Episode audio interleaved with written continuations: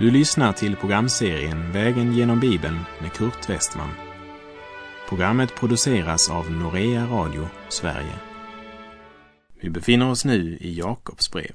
Slå gärna upp din bibel och följ med. Mina bröder, vad hjälper det om någon påstår sig ha tro men saknar gärningar? Kan väl en sådan tro frälsa någon? Om en broder eller syster inte har kläder och saknar mat för dagen och någon av er säger till dem, gå i frid, klä er varmt och ät er mätta, men inte ger dem vad kroppen behöver, vad hjälper det? Så är också tron i sig själv död när den är utan gärningar. När Jakob talar om den döda tron använder han som ett exempel att vi ser vår medmänniskas behov och hoppas att hon ska få hjälp utan att vi gör något åt det. Vi läser i Jakobs brev kapitel 2, vers 18. Nu säger kanske någon, du har tro. Ja, men jag har också gärningar. Visa mig din tro utan gärningar, så ska jag visa dig min tro genom mina gärningar. Tron är i sig själv död, säger Guds ord, när den är utan gärningar. Varför? Därför att den levande tron, den frälsande tron, producerar gärningar som äppelträdet producerar äpplen. Vi måste dra den konklusionen av det Jakob säger när han här talar om trons frukt. Paulus talar om trons rötter, om den grund som bär tron. Både Paulus och Jakob lär att det är tron alena som frälsar men inte vilken som helst tro.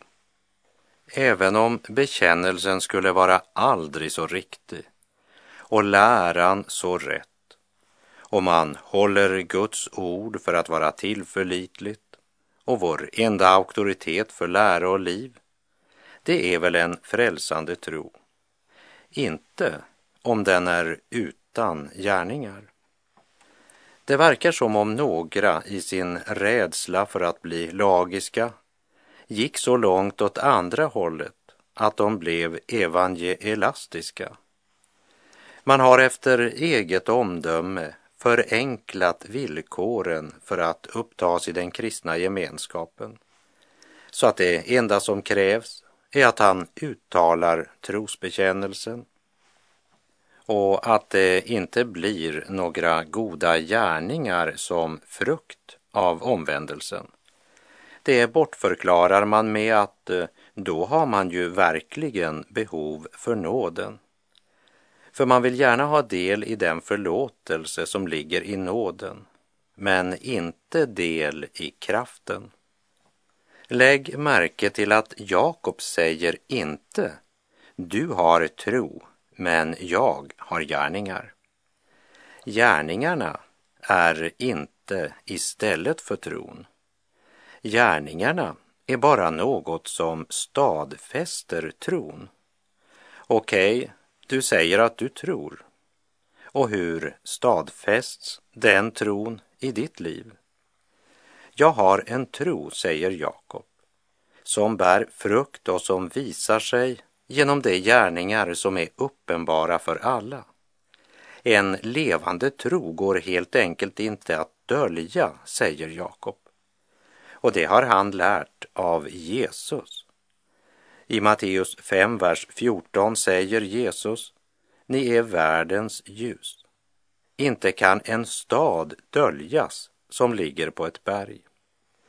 Paulus säger också att tron får frukter som är klart synliga. I Galaterbrevet 5, verserna 22 till och med 24 läser vi. Andens frukt däremot är kärlek, glädje, frid, tålamod, vänlighet, godhet, trohet, mildhet och självbehärskning. Sådant är lagen inte emot.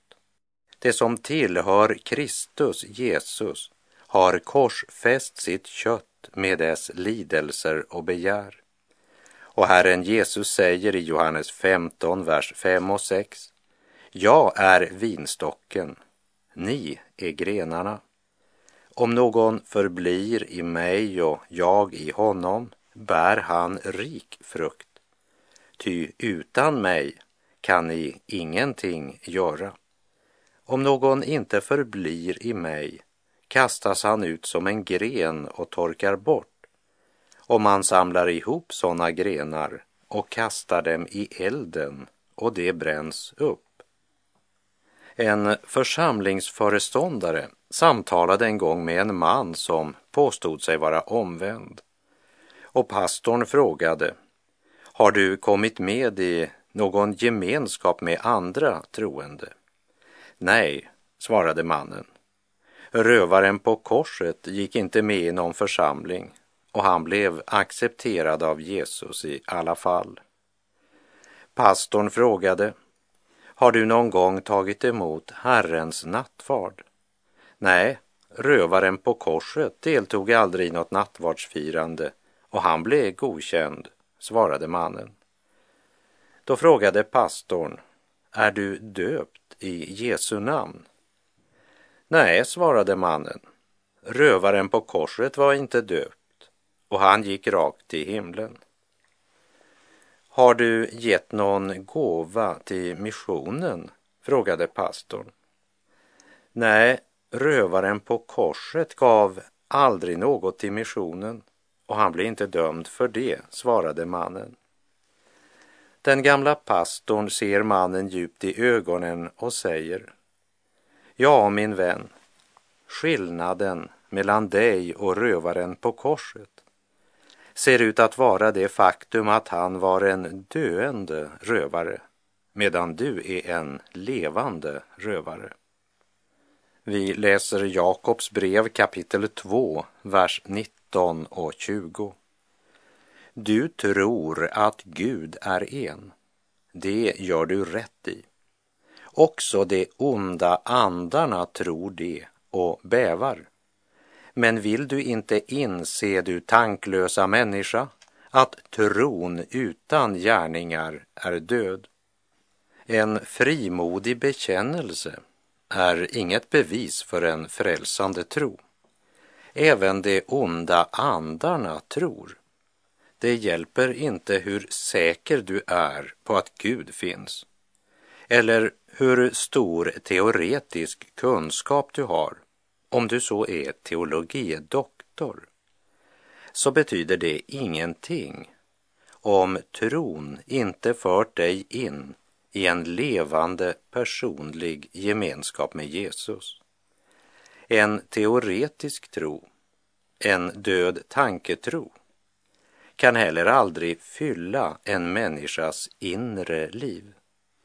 De gärningar Jakob efterlyser är inte laggärningar, men de gärningar som flyter fram som en frukt av den helige Ande som bor i den troende och som genom honom strömmar ut till andra människor. I Johannes evangeliets sjunde kapitel, vers 38, så säger Jesus Den som tror på mig ur hans innersta ska strömmar av levande vatten flyta fram, som skriften säger. Detta sade han om anden som det skulle få som trodde på honom.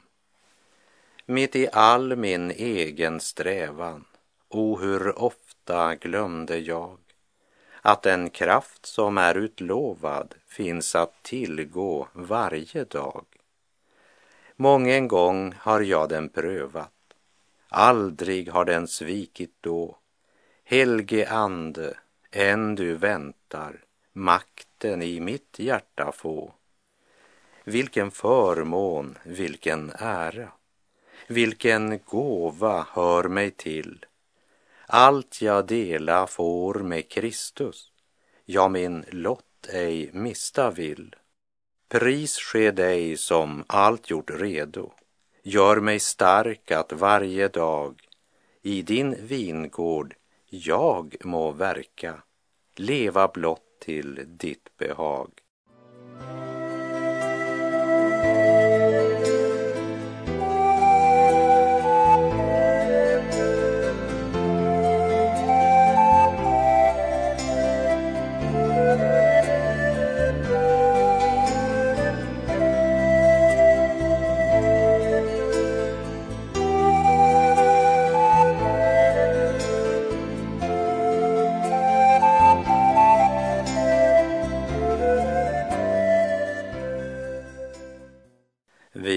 Läser i Jakobs brev kapitel 2, verserna 21 till och med 24. Blev inte vår fader Abraham erkänd som rättfärdig genom gärningar när han bar fram sin son Isak på altaret?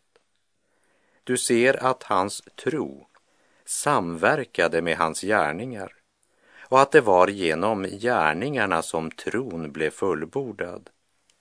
Så uppfylldes skriften som säger Abraham trodde Gud och det räknades honom till rättfärdighet och han kallades Guds vän. Ni ser alltså att en människa erkänns som rättfärdig genom gärningar och inte bara genom tro. I Romarbrevet 4.3 säger Paulus att Abraham blev rättfärdiggjord genom tron. Och första Mosebok 15, vers 6 säger Och Abraham trodde på Herren och han räknade honom det till rättfärdighet. Blev Abraham rättfärdiggjord när han offrade sin son Isak? Och frågan är, offrade han sin son Isak? Svaret är nej. Men vad var det då som var Abrahams trosgärning? På vilket sätt räddade hans gärningar honom? När hans tro uppenbarades i lydnad för den som hade rättfärdiggjort honom genom tron. Det handlade inte bara om att offra ett av sina barn. Det handlade om att offra allt vad Gud hade lovat honom. För alla Guds löften var ju knutna till Isak. Det är som om Gud skulle komma till dig och mig och säga Bränn församlingslokalen. Bränn alla biblar och sångböcker. Lämna alla dina verkliga vänner. Ja, men, ja, men det kan du inte mena, Gud. Vad, vad har jag då kvar? Det kan vara olika situationer i livet där vi förtvivlat ropar till Gud. Nej, nej, Herre, du kan inte låta det eller det hända. Vad har jag då kvar? Det är som jag tyckte mig höra Abrahams viskande stämma när hans hand efter kniven och han suckar upp till Gud. Om jag gör detta, vad har jag då kvar? Allt du ska göra i mitt liv är ju knutet till Isak. Om Isak dör har jag ingenting kvar. Det har du rätt i, säger Gud. Då har du ingenting kvar utom mitt löfte till dig, om nu det betyder något för dig. Vi läser i Hebreerbrevet 11, verserna 17 till och med 19. I tron bar Abraham fram Isak som offer när han blev satt på prov. Ja, sin ende son bar han fram som offer fastän han hade fått löftena. Och till honom hade Gud sagt, genom Isak ska du få dina efterkommande.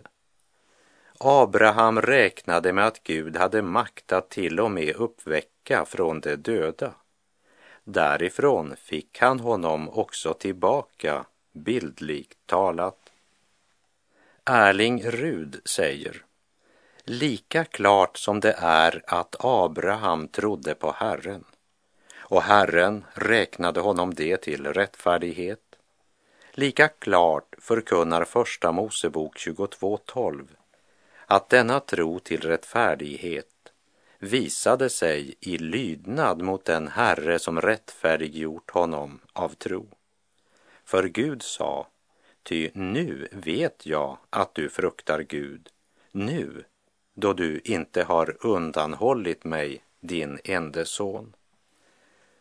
Du ser att hans tro samverkade med hans gärningar och att det var genom gärningarna som tron blev fullbordad.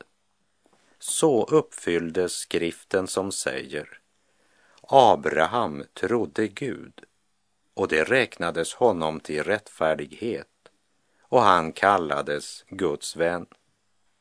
Konklusionen är alltså att det är den som är lydig, alltså den levande tron, tron som handlar, som uppfyller skriftens ord om rättfärdiggörelse av tro som en tillräknad rättfärdighet. Tron stadfästs genom våra handlingar, genom det vi gör och det vi inte gör. Och om inte Abraham duger som exempel för dig, så vet inte jag. Tron är grunden för allt andligt liv, men den stadfästs och den fullkomnas genom barmhärtighetsgärningar eftersom en tro utan gärningar bara är en död tro. Och med den falska tröst som en död tro ger har många samveten sövts ner så att de bedragits sina själar och utan oro gått in i den eviga natt där elden aldrig slocknar. Död tro är inte först och främst att förneka Gud, utan det som kännetecknar den döda tron är att den tillägnar sig tröst av Guds nådelöften utan sann omvändelse och bättring. Men vill du inte inse, du tanklösa människa, att tron utan gärningar är död?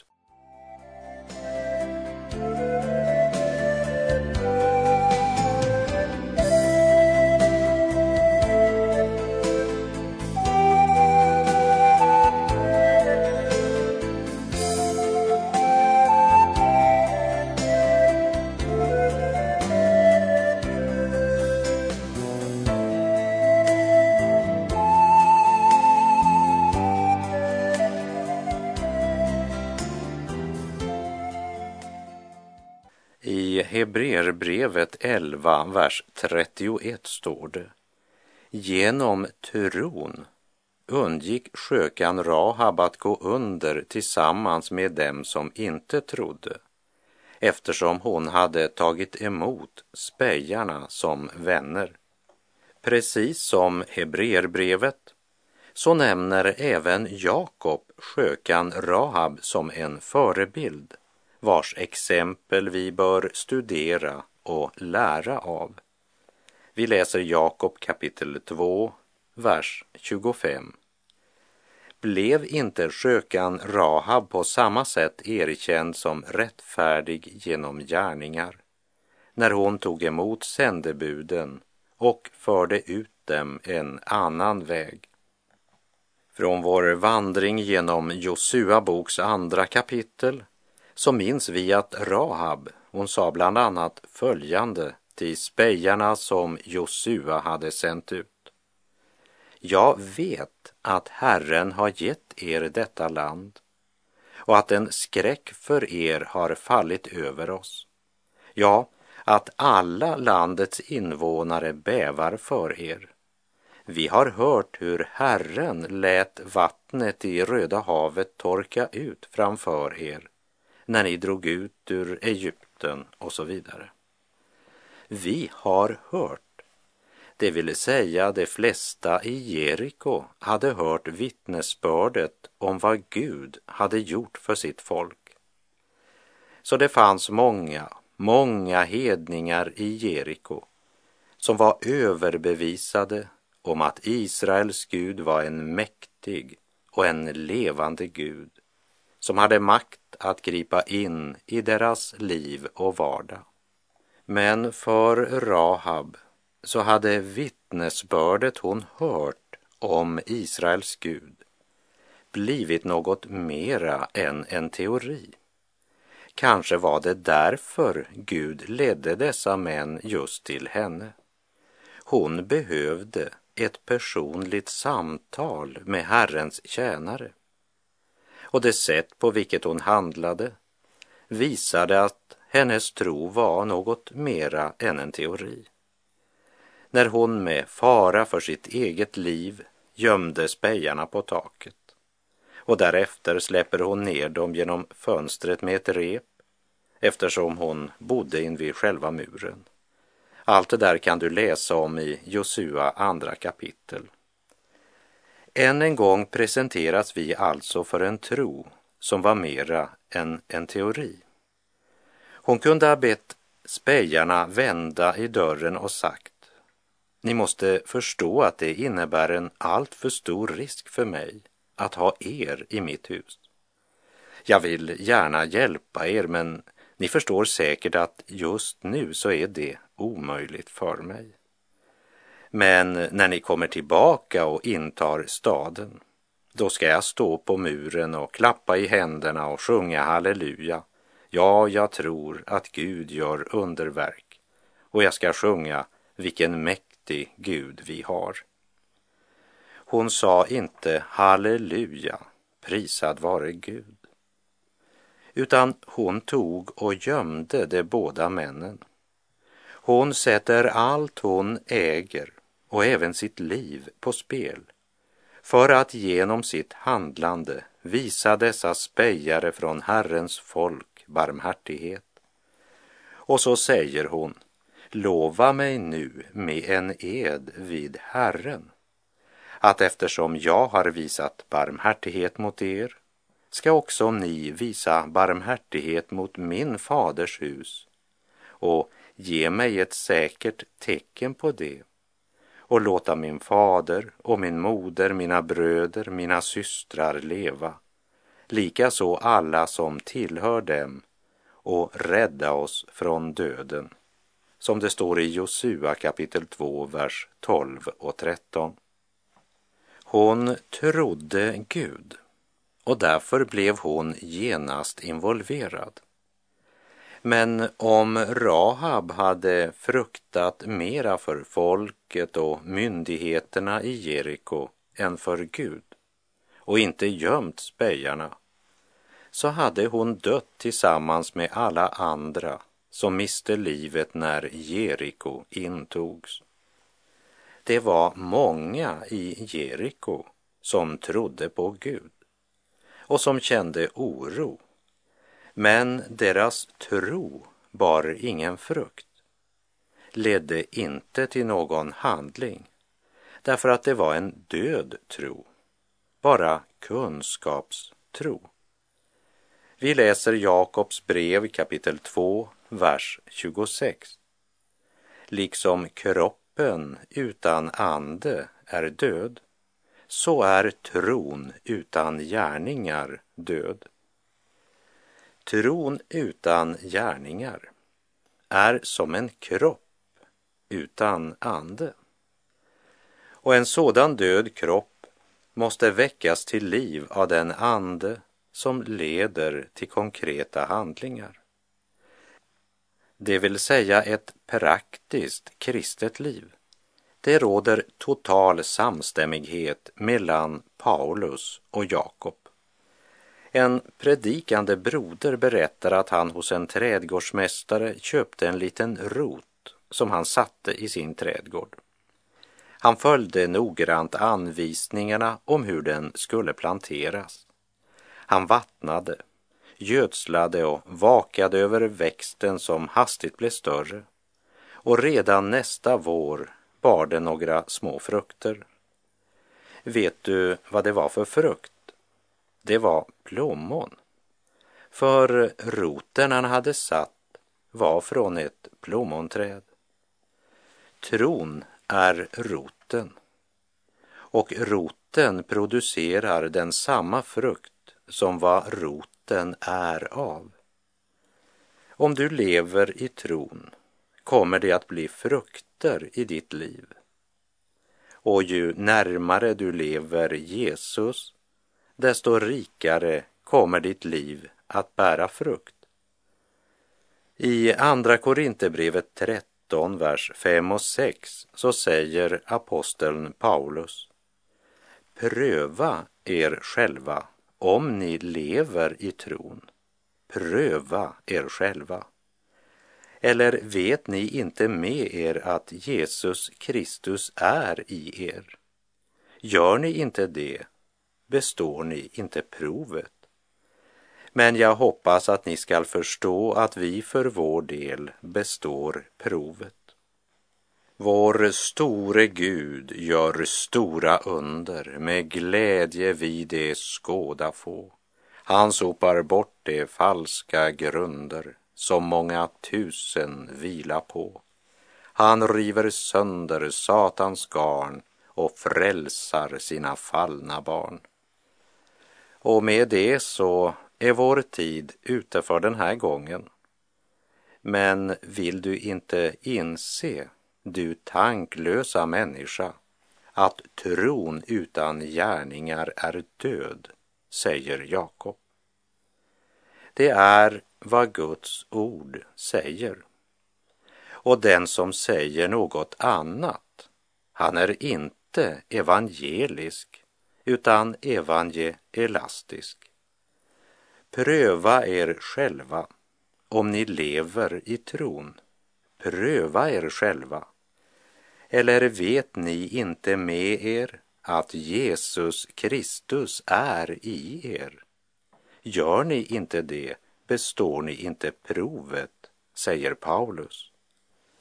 Så låt oss meditera över de orden lite grann till dess vi hörs igen. Herren vare med dig. Må han genom sitt ord och sin helige ande få uppenbara Kristus för dig på ett sådant sätt att du vet med dig att Jesus Kristus är i dig. Herren vare med dig. Må hans välsignelse vila över dig. Gud är god.